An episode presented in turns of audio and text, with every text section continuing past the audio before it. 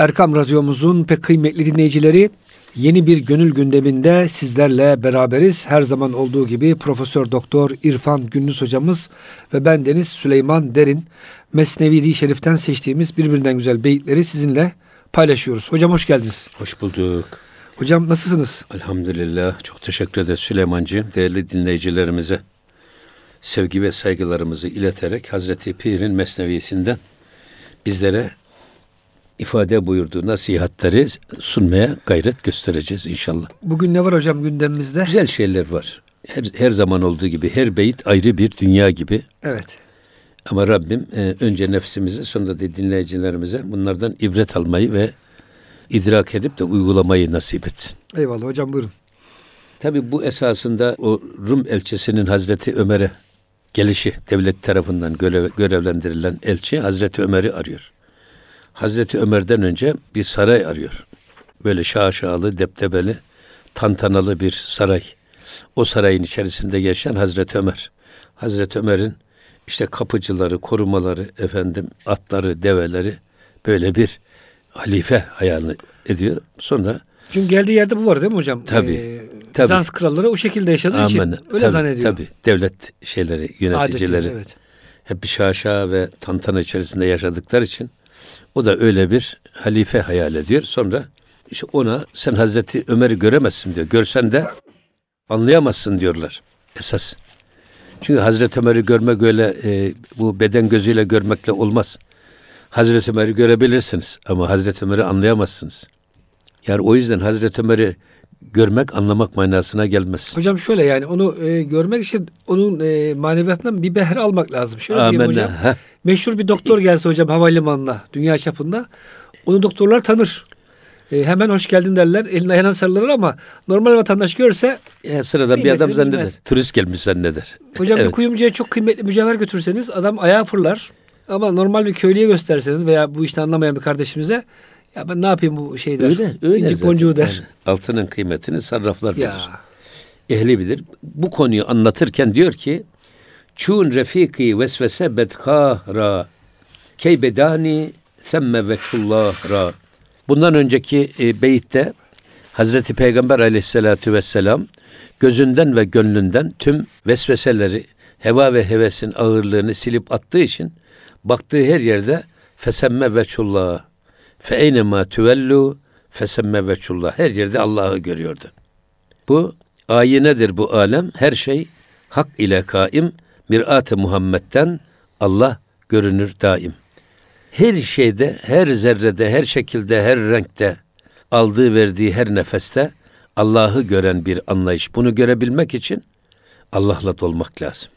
Bunu görebilmek için gözümüze sıvvatullah rengiyle boyanmış Allah rengine boyanmış gözlükle dünyaya bakmak lazım. Onu burada ifade etmek üzere ey diyor gözü gönlü açılmamış kimse.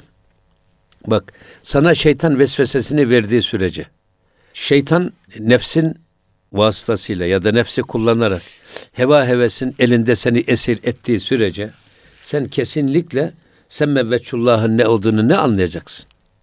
Key bidani sen mevveçullah'ra. Yani her yerde e, Allah'ın olduğunu nasıl görüp de nasıl idrak edeceksin? Buna göz lazım, buna idrak lazım, buna algı lazım. O yüzden hep Hazreti Pir'in sürekli gündemde tuttuğu bir şey var. Suret ayrı bir şey, siret ayrı bir şey. Sadece surete takılıp kalma, suretin arkasındaki manaya da erişmeye çalış. İnsanı sadece biz şekliyle, kalıbıyla değerlendirirsek çok yakışıklı bir adam. Tamam güzel. Ya bu adamın ahlakı nasıl, karakteri nasıl? İşte siret odur, o tarafa doğru yönelmek. İnsanı insan yapan sadece veçesi, şekli, şemaili, görüntüsü ve portresi değil, belki de o portreye şekil veren ondaki ruh halidir, ahlaktır, karakterdir, kişiliktir kimliktir. Hocam burada bir şey sor, sormak istiyorum. Şimdi vesveseden bahsetti Hazreti Mevlana. Sufiler hocam devamlı zikirden bahsediyor. Sanki şöyle bir şey diyebilir miyiz? Zikir çeken insan e, zamanla zikir e, özümseyince artık Allah'ın gözlüğüne bakıyor aleme. Amin. Ama zikir hocam boşluk olursa vesvese şeytan saldırıyor. Doğru tabi. Şimdi burada e, vesvese şeytandan gelen şey. Bazen e, nefsimizden heva ve heves o da esasında bir vesvesedir. Ee, ama biz bunları birbirinden tefrik edebilecek ölçüleri iyi bilip her ikisine de karşı durmamız lazım. Direnmemiz lazım. Mesela nefs eğer bir işi isterse o işte sürekli ısrar eder. Onu elde etmediği sürece de tatmin olmaz. Unutur bir daha sana unutturur bir daha tekrar aklına getirir bir daha aklına getirir. Eğer böyle bir Allah'ın razı olmadığı bir konuda ısrarla seni çağırıyorsa bil ki o nefsin heva ve hevesidir. Onlardan uzak durmak lazım. Bu nefsani bir tuzaktır. Fakat şeytan öyle değil. Şeytan sizin zaaflarınızı hep kullanır. Ya size bir zaaflarınızdan denedi. Parayla yoldan çıkartmaya çalıştı, çıkaramadı. Bu sefer şehveti devreye sokar. Şehvetle yoldan çıkaramadı, şöhreti devreye sokar. Yani her defasında silahı değiştirir. Metodu değiştirir. Ama onun da hedefinde yine Allah ve Resulünün kitabına ve sünnetine aykırı davranışa bizi yönlendirmeye, teşvik etmeye çalışıyor. Hedef değiştirerek geliyorsa eğer bilin ki o da şeytanidir. Her ikisinden de uzak durmak lazım. Her ikisine karşı da direnmek lazım. Eyvallah hocam. Yine devam ediyor bakın. Her kira başet zisine fethi bab. Herhangi bir kişinin gönlünde bir kapı açılırsa eğer, letaif açılırsa, manevi bir iklim, manevi bir dünya açılırsa, o o her zerre bi binet afitab. O her zerreden güneşi görür. Her baktığı şeyden güneşi görür. Öyle bir şey ki e, burada ne diyor burada şey? Şimdi mesela e, burada cam kırıkları var ortada. Güneş buraya vurduğu zaman her birisinde o parçanın her birisinde ayrı ayrı güneş gözüküyor değil mi? Eyvallah hocam. Onun gibi yansıyor. Onu söylemek istiyor. Eğer bir adamın gönlünden bir kapı açılırsa o her zerrede güneşi görür. Her şeyde Allah'ı görür. Zaten bu yüzden bu vahdeti vücut meselesi buradan çıkmış. Bak vahdeti vücut meselesi yanlış anlaşılmış ya da yanlış uygulanmış. Onu e, e, izah sadedinde de en fazla siz bu konuda mahirsiniz. İm, İmam-ı Rabbani Hazretleri vahdeti şuhudu çıkartmış. İkisinin arasında ne fark var? Vahdeti şuhudla vahdeti vücudun. Vahdeti vücut, vücuttaki vahdeti görmek. Birliği görmek demek esasında. Yoksa dünyada gördüğümüz her bir zerredeki vahdet Allah manasına değildir. Allah'tan gelen bir birlik var. Onu Allah'tan gelen yarattığı... bir birlik var. Cenab-ı Hakk'ın tecellilerinin evet. güzelliği, azameti, efendim, hoşluğu ortaya çıkıyor. Vahdeti vücut. Ama bu yanlış uygulanmış. Yanlış anlaşılmış zaman zaman. Bunun için de gelmiş İmam-ı Rabbani Hazretleri vahdeti şuhud demiş. Gördüklerimizdeki vahdet. Sanki hocam e, her zerrede güneşi görür derken evet. Mevlana Hazretleri de hani tabii böyle bir şey net olmaz ama vahdeti şuhud gibi konuşuyor burada. Tabii. Görmek. Evet, evet. Ha burada tabii yol oldur ki doğru vara, göz oldur ki hakkı göre. Bu gözün hakkı görebilmesi için tabii hep hak ile meşbu olması lazım. Ben bunu fizik olarak da e, doğru olduğuna inanıyorum. Hiç öyle ne diyelim ona erişilmez, ütopik bir dünya gibi değil bu. Cenab-ı Hak her birimizin içerisinde kendi varlığından bir nefes lütfetmiş. Ref, nefhi ruh etmiş. İşte o ruhu biz e, bedenimizin her noktasına yayarsak ve o ruh ile gözümüzü, göz, gözlüğümüzü o ruh ile, o ruhun rengiyle boyarsak dünyanın her yerinde ruhla baktığımız zaman Allah'ı görürüz. Eğer yok bu ten gözüyle bakarsanız işte ağaç görürsünüz, orman görürsünüz, dağ görürsünüz, hayvan görürsünüz. Başka bir şey göremezsiniz. Hocam güzel söz var. Sinekçi diyor. Pekmezciyi gözünden tanır. Tabii. Şimdi hocam e, ticarette bile herkes istediği insanı görüyor değil mi? Yani bir müşteri evet. gelirken onun gözüne bakıyor. Cebindeki parasını alınıyor.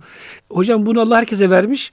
Ama kalp gözüyle bakarsanız ya. E, Allahu Teala'nın sırlarını görüyorsunuz alemde yani. Tabii. O da biraz hocam zikir, fikir, tefekkür işte bunları istiyor. Ya, amenna tabii işte. Eğitim istiyor. Evet, eğitim istiyor tabii.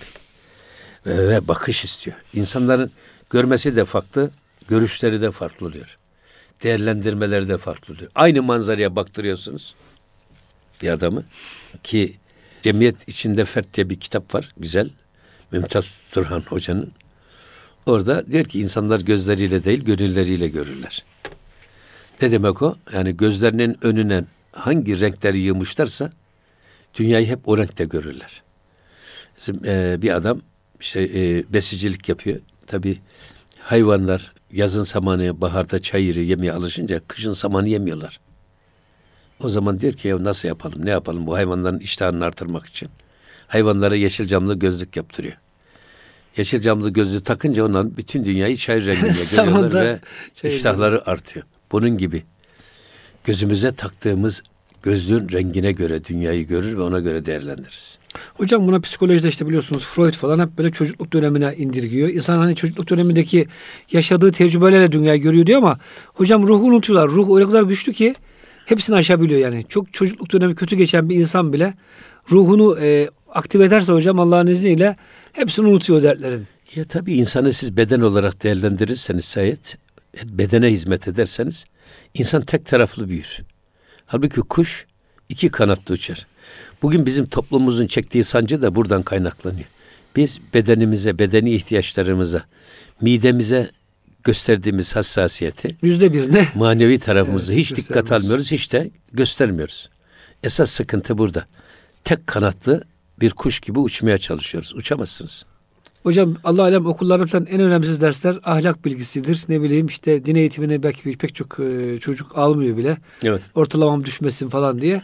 Evet. Halbuki hocam hayatta en çok lazım olacak edep, ahlak, e, bu tür e, güzel duygular, dini değerler değil mi hocam? Ya olmaz olur mu? Bir defa e, şöyle söyleyeyim ben size. Ahlak ve hukuk. Niye hukuk çıkmış? Ahlakla hukuk arasında ne fark var? Ahlak demek hılkate uygun yaşamak demek, fıtrata uygun yaşamak demek. Kendi hareket alanımı kendim belirleyeceğim ben. Bana kimse yasak koymayacak. Ama insanlar kendi yasaklarını kendileri koymayınca ya da koydukları yasakları çiğneyince o zaman gelmiş hukuk devreye girmiş. Bu sefer hukuk bir alan çiziyor bize. Bak bu alanın dışına çıkarsan seni cezalandırırım, hapsederim diyor. Benim polisim var diyor, jandarmam var diyor. Halbuki iş o, iş o noktaya gelmeden kişinin kendi kendisini yönetir bir insan olmasıdır marifet. Ahlak budur. Hilkate uygun yaşamak budur. Fıtrata uygun yaşamak da budur. Şimdi e, organiklik bir moda oldu. Ben organik yaşamaktır diyorum ben fıtrata uygun yaşama. Çok güzel bir tarif hocam. Yani. Doğru söylüyorsunuz. Ahlak da öyle. Organik yaşamak demek. İnorganik değil. Allah'ın bize verdiği güzel fıtratla yaşamak. Tabii. Yani o yüzden şimdi özellikle bugünlerde kadın erkek eşitliği altında aile dinamitlenmeye çalışılıyor. Evliliğe düşman bir anlayış toplumda yaygınlaştırılmaya çalışılıyor. Efendim işte bu beden benim değil mi? Ben bu bedenimi istediğim gibi kullanırım. Kimse bana karışamaz. Yok senin değil o beden. Gözümüzü biz mi yarattık? Biz mi hep imal ettik? Kulağımızı biz mi yarattık? Eğer bu bedenimizi biz imal etmişsek canın istediği gibi tepe tepe kullan. Ama eğer Allah verdiyse o zaman bu bedeni biz canımızın istediği gibi değil, Allah'ın istediği gibi kullanmak zorundayız. Hocam önümüzdeki hafta inşallah cumartesi günü e, ayın 16'sında Kayseri'deyiz. Evlilik okuluyla alakalı. Onunla alakalı hocam biraz araştırma yapmıştım. Dediğiniz buyurduğunuz gibi evlilikle alakalı. Hocam bu cinsiyet eşitliği batıda o kadar abartılmış ki artık insanlar evlenemez olmuşlar. E, pek çok e, batılı erkek diyor ki Avrupalı, Amerikalı artık gidelim Vietnam'a, Çin'e, insan fıtratının bozulmadığı yerlerde evlilik yapalım, oraya yerleşelim. Eğer burada evlilik yaparsak Amerika'da, Avrupa'da kaçınılmaz bir sonuç hocam. Ya bir defa bunu e, bu evlilik yürümüyor diyorlar. Yani bunu eşitlik meşitlik anlayışında değerlendirmek kadar aptalca bir şey yok. Ya Cenab-ı Hak anneleri anneleri çok yüceltmiş. Babaların üzerine yüceltmiş. Ve e, diyor ki senin üzerinde en fazla kimin hakkı var? Annen diyor. Daha sonra kimin? Annen. Daha sonra kimin? Annen. Dördüncüsünde babanın hakkı var. Normalde hocam erkek olarak Cenab-ı erkek demesi peygamber. lazım değil mi peygamberimizin hani? Tabii. Şimdi burada cennet annelerin ayakları altındadır.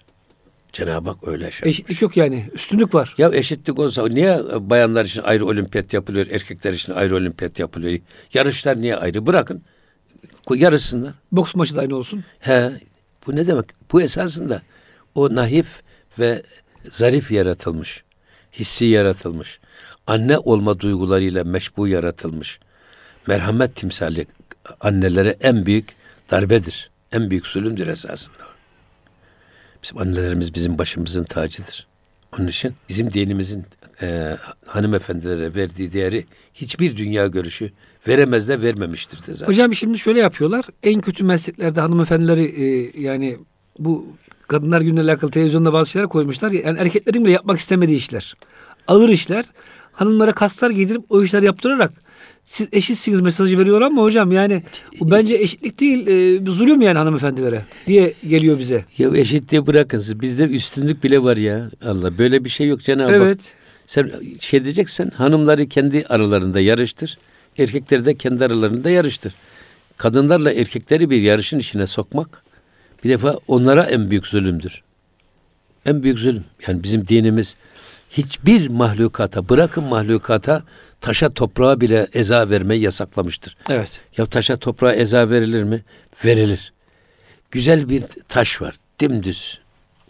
Bu aynı gelir mihrapta secdegah olabilir taş.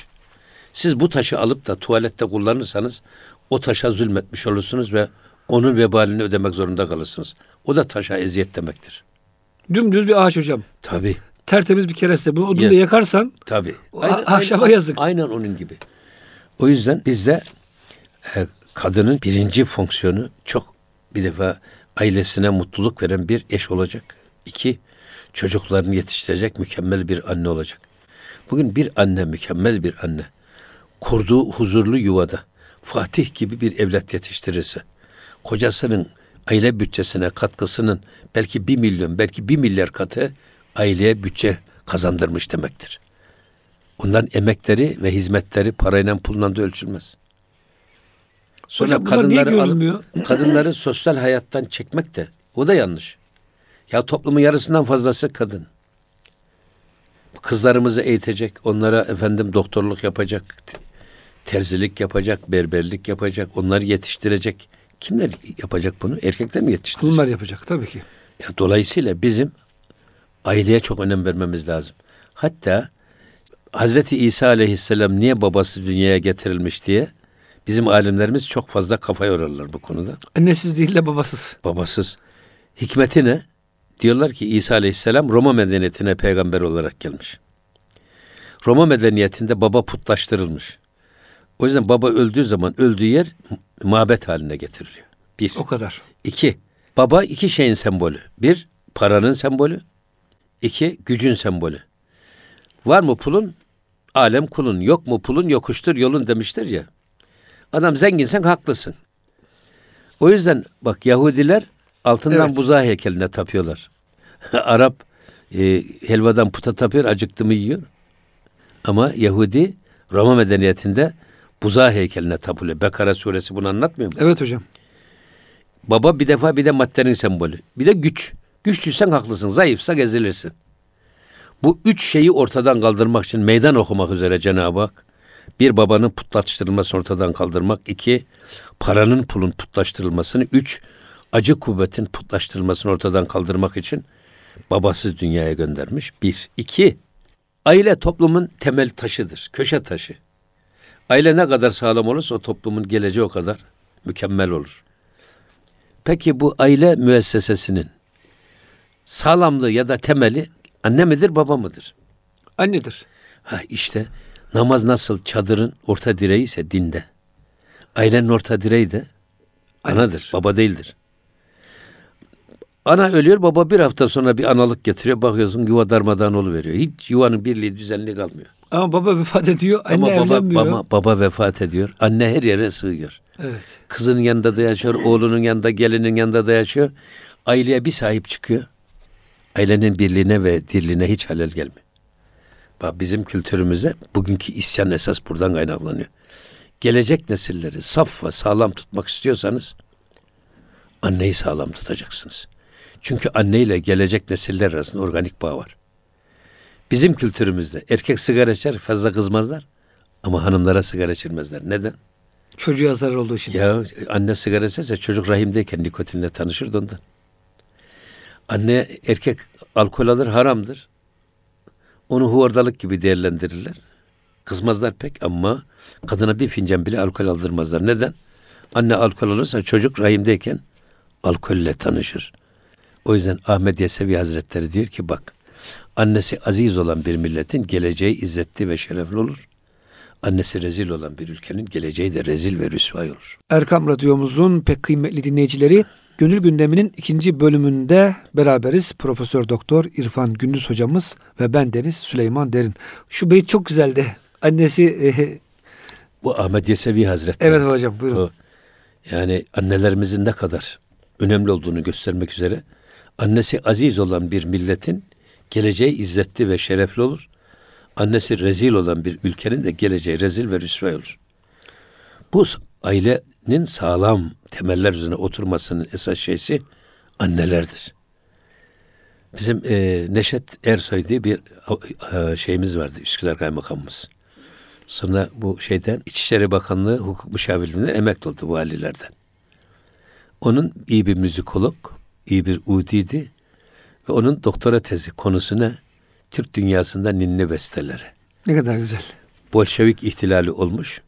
Allah'tan ve ahlaktan bahsetmek yasaklanmış. Türkçe konuşmak yasaklanmış. O zaman bizim o analarımız var ya çocukların şuur altına yerleşsin diye itriğinin tekbirini ve salatü selamının namelerini okumuşlar. Onunla uyutmuşlar çocukları. Yani başka bir şiir şuur, ama şuur e, altına onlar yerleşsin. Hmm, nameler, nameler, nameler. Namelerle. Kelamını söylemiyor. Ama nameleri okuyor. Onu yerleştiriyor çocuğun zihnine ki ileride büyüdükçe kulağa o tekbiri, o salatü selamı duydukça Müslüman olduğunu anlasın diyerek. Bu, bu ana. Ben Anadolu adını çok severim bizim Anadolu. Ananın dolu olduğu yer demek Anadolu. Çok güzel hocam. Ana yüreği gibi müşfik, merhametli ve hassas bir medeniyet bizim medeniyetimiz. Demek hocam ana olmazsa vatan da kalmıyor. Şöyle söylüyorum hocam. Memleketinizde anneciğiniz olduğu sürece severek aşkla gidip geliyorsunuz. Anne gittiği zaman hocam evinde Bağınız değil, kopuyor. memlekette kalmıyor yani. Bağınız kopuyor. Evet. Vatan da kalmıyor hocam. Şimdi yine devam ediyor bakın. Burada yani herkesin gözü var ama görüşler farklı. Herkes bakıyor da aynı şeyi görmüyorlar. Farklı görüyorlar. Farklı değerlendiriyorlar dedik ya. Diyor ki hak bedidest ez miyanı digeran hem çu mahender miyanı akteran. Şimdi diyor ki hak öyle önemli bir şey ki ay nasıl yıldızlar arasından kendini gösterip bir ayırt ediliyorsa yıldızların arasından derhal görebiliyorsunuz. Hak da diğer eşya arasında kendini gösteriverir. Eğer gözünüz varsa bunu görürsünüz diyor. Yıldızların arasındaki ayın yıldızlarla nasıl bir olmadığı, onlardan daha büyük, daha parlak olduğu nasıl tefrik ediliyorsa, bir göz bunu ayırt edebiliyorsa, dünyada da hak aynı şekilde nümayandır. Yeter ki sizde gören göz olsun, düşünen beyin olsun. Veya hocam görmeye istekli göz olsun. Evet. Sıkıntı hocam bugün şöyle, ayı görürsek yani rahatsız oluruz diye bazıları hocam görmek istemiyor. Evet. Keyfince yaşamak için. Evet. O yüzden hakikaten e, bu çok güzel olmuş hocam. Tabii bak burada başka bir şey daha söylüyor bak Hazreti Pir. Du seri engüşt berdu çeşmni. Bak sen diyor şu iki parmağının ucunu du seri engüşt. Berdu çeşm. Bak iki göz göz bebeğinin üstüne koy. O zaman o zaman diyor ki hiç bini ez cihan insafti. Sen diyor hiçbir şey görebilir misin cihanda diyor. Göz bebeklerini parmaklarınla kapatmışsın. Cihanda bir şey görebilir misin hiç? Göremezsin. Görmek istiyorsan ne yapman lazım? Şu e, parmak uçlarını gözün önünden çek diyor.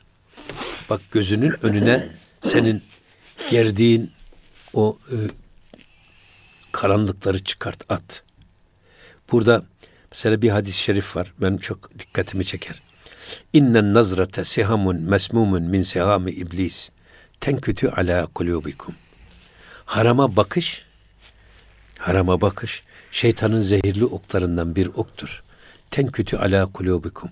Sizin kalbiniz üzerinde bir nokta bırakır. Her bakışınız. Lamba şişesi var ya hani. Lambanın şişesine is bırakır. Her harama bakışınız. Gazze lambaları vardı evvelden. Evvelden. Sonra bu is bağlandı mıydı? Ne kadar içerideki yanan lamba şiddetli de olsa dışarı en ufak bir hüzme vermez. Niye? Etrafındaki pas. Ne yapmamız lazım o zaman? Lamba şişesini çıkarıp o pası temizlemek lazım. Buğulu bir aynaya baksak ya da aynaya biz e, huflasak ve bu aynayı kaplasak bizi gösterebilir mi? Göstermez. Ne yapmamız lazım? O işte e, o işi temizlemek lazım. O buğuyu temizlemek lazım. O yüzden ne diyor ki şey Şemsettin Sivasi Hazretleri? Vasıl olmaz kimse hakka. E, cümleden dur olmadan. Kenz açılmaz sol gönülde. Ta ki pür nur olmadan. Olmadan. O yüzden bunu Esad Erbili Hazretleri o Karlvet var ya papaz. O papaza diyor bunu. Diyor ki bak buradan bak diyor. Kelami dergahından ya da Selimiye dergahından bak. Çamlıca'yı görebiliyor musun? E, görüyorum. Ondan sonra iki tane şey veriyor eline. Bu incir yaprağını gözün önüne koy diyor. Şimdi görebiliyor musun? Göremiyorum. İşte diyor bak sen diyor eğer dünyayı görmek istiyorsan şu gözün önündeki incir yapraklarını at ki bu dünya kadar hakikatları göresin. İçimizden gelen engeller gözümüz önüne ufacıktır ama göz bebeğimizin önünü kapatır. Dünya kadar gerçekleri bize görmez ve göstermez olur. Ama görmek ve göstermemek kusuru ne gözümüze ait bir kusur ne de dünyaya ait bir kusurdur. Bu kusur gözümüzün önüne bizim getirdiğimiz o gözlüğün camına ait bir kusurdur. Çok önemli bir iş. Bunları e, bize açıklamaya çalışıyor. Yine devam ediyor. Ger nebini in cihan madum nis. Eğer sen diyor bu cihanı görmüyorsan bu cihanın olmadığı anlamına gelmez. Cihan var. Hatta sen de varsın. Ama görmeyen gözün. Gözün de var. Ama göremediğin için bu cihan yok değildir. Var. Görmesen de bu cihan var. Ve diyor ayıp cüz en güçti nefsi şum nist. Esas diyor ki esas diyor bu göstermemek suçu senin şu uğursuz nefsinin parmağına aittir. Bak. Ayıp cüz en güçtü nefsi şum. Aşağılık nefsin e, parmak ucuna aittir. Görmemek ve göstermemek kusur. Onları atsak bir ön yargılarımızdan bir sıyrılsak gözümüz önüne koyduğumuz efendim o gözlüğün renklerinden bir kurtulabilme başarısını göstersek o zaman Peygamber Efendimizin duasına mazhar oluruz. Ya Rabbi erinil eşyae kemahi. Ya Rabbi bana eşyayı olduğu gibi göster. Farklı gösterme. Olanı yok gösterme. Var olanı da değişik gösterme. Olduğu gibi göster. Olmayan alemi dünyayı da baki gösterme. Ya yani evet aynı. Aynı. Çünkü hocam insan bu dünyadayken hiç ölmeyeceğini düşünüyor. Dünyanın hiç bitmeyeceğini zannediyor ama her gün de hocam bu dünya gemisinden binlerce insan ini veriyor farkına varmadan. Tabi ve devam ediyor yine burada bakın. Tu ziçeşim en güçtüra berdar hin bak. O zaman diyor şu gözünden parmak ucunu kaldır. Van gehani her şey mihahi bibin. Ve bundan sonra diyor dilediğini bak görebilirsin diyor. Yeter ki o parmak uçlarını gözlerin önünden çek. İncir yaprağını gözünün önünden kaldır. Mevlana'nın hatırlarsanız eğer bir şeysi vardı. Ee, bir usta çırak hikayesi var. Evet hocam. Ama çırak şaşı görüyor. Ve çırağa diyor ki git diyor şu vitrindeki şey al gel sürahiyi diyor. Hatırlıyorsunuz. Evet hocam çok güzel bir Orada diyor ki orada üç tane sürahi görüyor adam. Üç görüyormuş hep şeyi. Hepsi hangisini getireceğim diyor. Efendim hangi sürahi istiyorsunuz deyince diyor ki o zaman diyor birisini kır diyor. birisini kırıyor hepsi ortadan kayboluyor. Çünkü biri üç görüyormuş şey. şey. Eyvallah hocam. İşte bu da göz. Bak biri üç gösteren de göz var. Üçü bir gören de göz var. Kesrette vahdeti gören var. Vahdette de kesreti gören, gören var. var. Eyvallah. Şimdi Nuhra goftent e, ümmet ki o sevap. Ya Hazreti Nuh'a ümmeti sordu. Ya sevap nerededir sevap? Allah'ın bizden razı olacağı ameller nerelerdedir? Bize onu anlattı. Ama onu hocam bunu inkar ederek soruyorlarmış. Öyle söylüyor. Tabii. Dalga geçerek yani. O da diyor ki Goftu e, zan suyu vestasev vestav şu siyap. İşte diyor ki bakın bu diyor e, sizin görmeyelim diye görmek istemediğiniz için örttüğünüz tarafta diyor sevap. sevap. Tabi burada görmek istemedikleri için kapatıyorlar. Mesela bu şeyler Hristiyanlarda günah işleyecekleri zaman eğer orada e, Hazreti Meryem ya da Hazreti İsa portresi falan varsa onun üstüne çarşafla kapatırlarmış. Onların olduğu yerde günah işlenmez diye. O bizi burada, görmesin diye. Burada da şimdi diyor ki bak onlar gerçeği ve doğruyu görmemek için kapatıyorlar. Elbiselere bürünüyorlar, yüzlerini kapatıyorlar görmeyelim diye. O diyor ki bak o kaldırın diyor kapattığınız şeyi. O zaman sevabı görürsünüz. Ama siz kapattığınız sürece göremezsiniz. Çünkü sevap sizin kapattığınız yönde. Görmeye, görmek istemediğiniz tarafta diyor. Tabi burada şöyle bak Kur'an-ı Kerim'de Nuh suresinin 5, 6, 7. ayet-i kerimesi. Kale Rabbi inni da'avtu kavmi leylen ve nehara. Ya Rabbi ben kavmimi gece gündüz hep senin yoluna davet ettim. Felem yezittum duai illa firara. Fakat benim bu duam onların senden uzaklaşmasından başka bir netice vermedi. Daha çok kaçtılar senden. Daha çok uzaklaştılar. Ve inni kullema da'atuhum li tağfira lehum cealu bak ve her ne zaman ben onları davet ettiğimde ve onlar için mağfiret talep ettiğimde cealu esabi'ahum fi azanihim parmaklarını kulaklarına göre tıkadılar. Ve savşev siyabehum ve elbiselerini kafalarının üstüne bürülü verdiler. Ve asarru ve stekbaru istikbara ve bu konuda o kadar ısrarlı davrandılar. Bir de kibirlenerek hiç bu tarafa yaklaşmadılar. Enteresan bir şey ya. Bak burada e, Hazreti Pir demek ki parmak uçlarını gözlerine koru derken bu ayet-i kerimetteki, kerimedeki Hazreti Nuh Aleyhisselam'ın kavminin kulaklarını parma hakkı duymamak için kulaklarına parmaklarını tıkamalarından almış. Katemallahu ala kulubihim ve ala sem'ihim ve ala ebsarihim gışave var ya buradan almış. Yani kulakta da aynı şey var. Siz e, haki, hak ve hakikati duymak istemediğiniz için kulağınızı tıkarsanız duymazsınız tabii. Hocam bir de bugün şöyle bir şey var. Ee, hangi alışveriş merkezine girsek, hangi mağazaya girsek hocam ve hangi kafeye ne bileyim bir fırına bile girsek hocam müthiş bir müzik saldırısı var. Ben hocam genelde girdiğim yerlerde uyarıyorum. Dün bir markete girmiştim hocam. O kadar yüksek müzik ki sanki yani böyle bir eğlence merkezi zannedersiniz. Alt tarafı bir e, yani kahve alacaksınız, çay alacaksınız. Hocam böylece kulakları meşgul edip işte sinemalar, filmler, alışveriş merkezleri.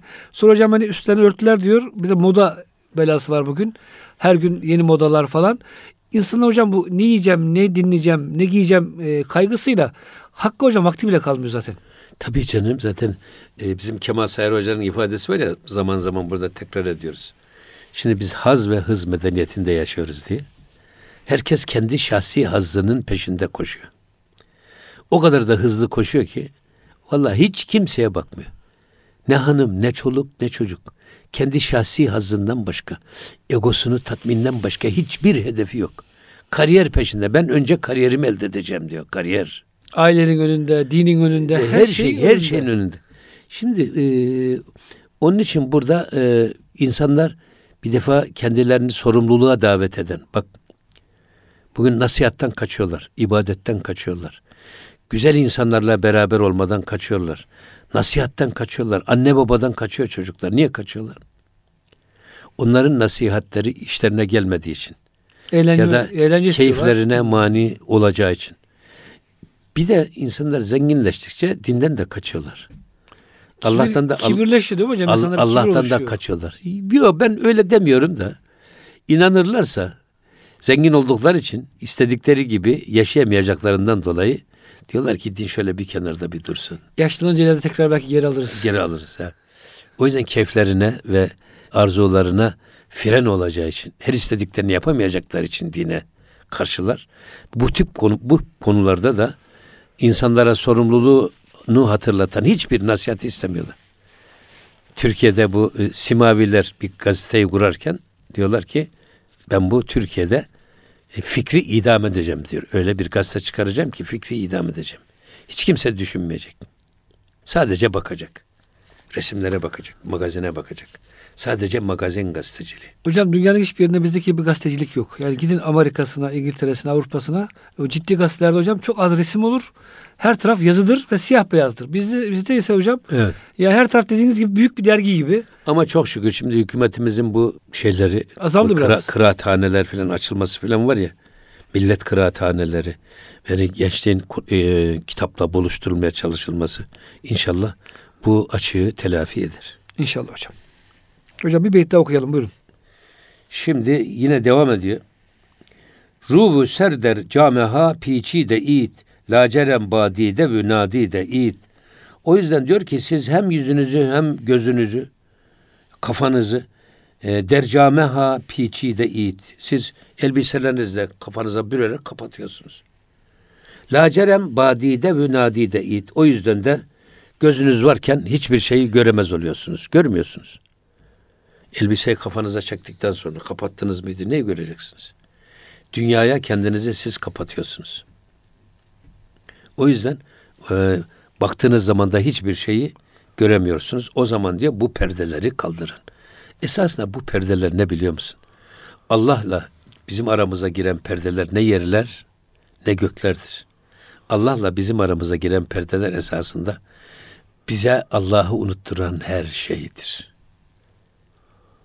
Ne, dünyayı da böyle tarif etmiyor mu Hazreti Pir? Dünya ne ticaret ne alışveriştir. Dünya seni Allah'tan alıkoyan her iştir. O yüzden biz dünyayı zannediyoruz ki bu elle tutulur, gözle görülür. Biz dünyadan nereye kaçacağız Allah bildiği aşkına? Her taraf Ahmet Yesevi Hazretleri 63 yaşından sonra çilehaneye girmiş. Çilehane dünyanın bir parçası değil mi? Kabre girsek orası dünyanın bir parçası değil mi? Eynel mefer. Bir uzaya gidersen belki kurtulabilirsin dünyadan. Başka yok. Her taraf dünya.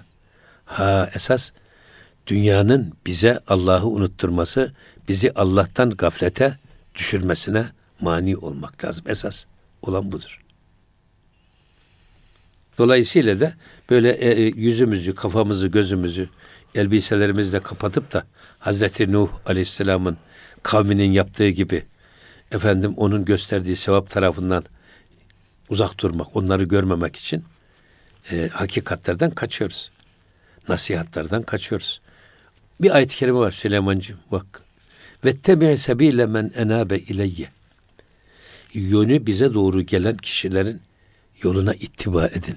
Ve tebe zorla tabi olun. Sebile men o kişinin yolu ki enabe ileyi. Yönü bize doğru gelen kişinin yoluna siz tabi olun. Onların peşinden gidin. Onlar gibi olmaya çalışın.